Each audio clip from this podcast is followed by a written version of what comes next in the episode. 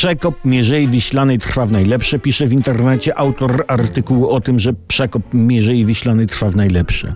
Lecz eksperci, kontynuuje autor, mają liczne wątpliwości, które na przykład ja za chwilę rozwieję jak wiatr włosy na głowie na wietrze z dowolnego kierunku. Jakie to zarzuty? A to, że kolor koparek nie taki, mało przedstawicieli mniejszości wszelakich na budowie, praktycznie wszystko to biali heteroseksualni faceci, czyli nic o czym tęcza mogłaby napisać z dumą do nieba. No, zarzuca się, że przekop, tu cytuję, wywrze presję na ichtiofaunę i ornitofaunę na terenie Zalewu Wiślanego. Uuu, ktoś powie, poważna sprawa. Poważna. Dopóki się, kurde, nie dowiesz, że ichtiofauna to ryba, a ornitofauna to ptoki. Głupie stąd to się przyzwyczają.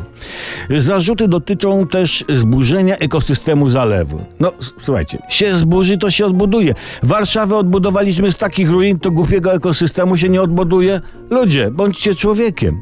A jeszcze narzekacze twierdzą, że nieprawdą jest, jak twierdzi PiS, że przekop polepszy bezpieczeństwo militarne Polski, bo kanał ma mieć tylko 5 metrów głębokości i okręty to one tam sobie nie popływają.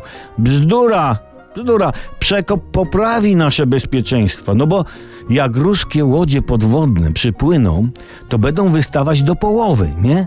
I, I będzie je można z brzegów obrzucić kamieniami.